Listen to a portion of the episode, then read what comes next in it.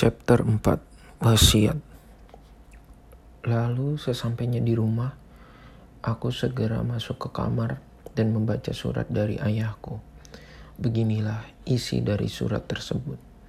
Dear Rio, jika kamu sudah membaca surat ini, artinya ayah sudah tiada.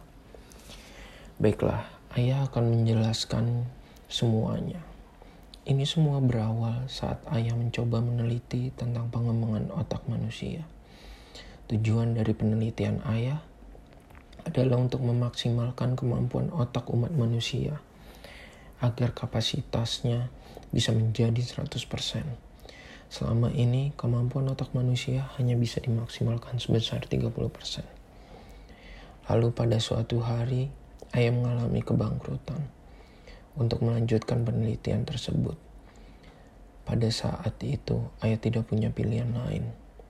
Ayah mencoba mencari jalan lain ketika di masa krisis itu. Secara tidak sengaja, ayah bertemu dengan Robert.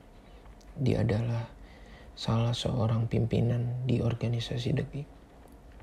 Ia menawari ayah untuk membiayai proyek ini. Rasa ambisius ayah pada saat itu pun menguasai ayah, sehingga tanpa pikir panjang, ayah menyetujuinya. Lalu, akhirnya The Geek mensponsori proyek ini. Dari sekian banyak percobaan, ada sebuah serum yang berhasil. Namun ketika dilakukan percobaan terhadap manusia, tidak ada yang berhasil.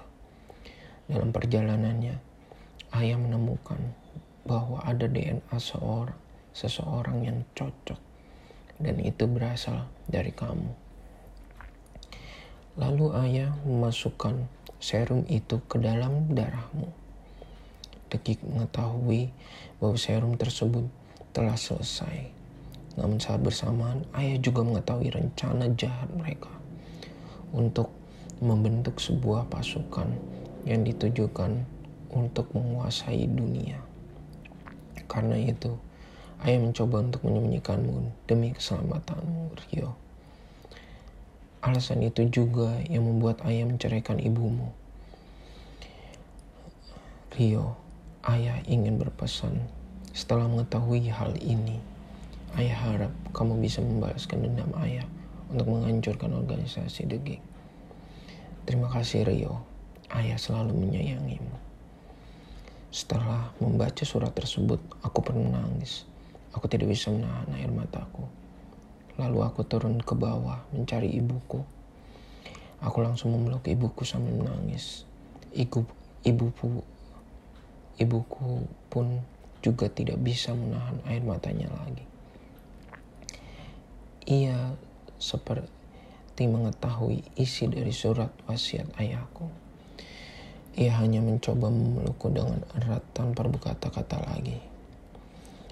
Ibuku berkata, kamu akhirnya mengetahui kebenarannya. Maafkan ibu, karena selama ini hanya bisa merahasiakannya darimu.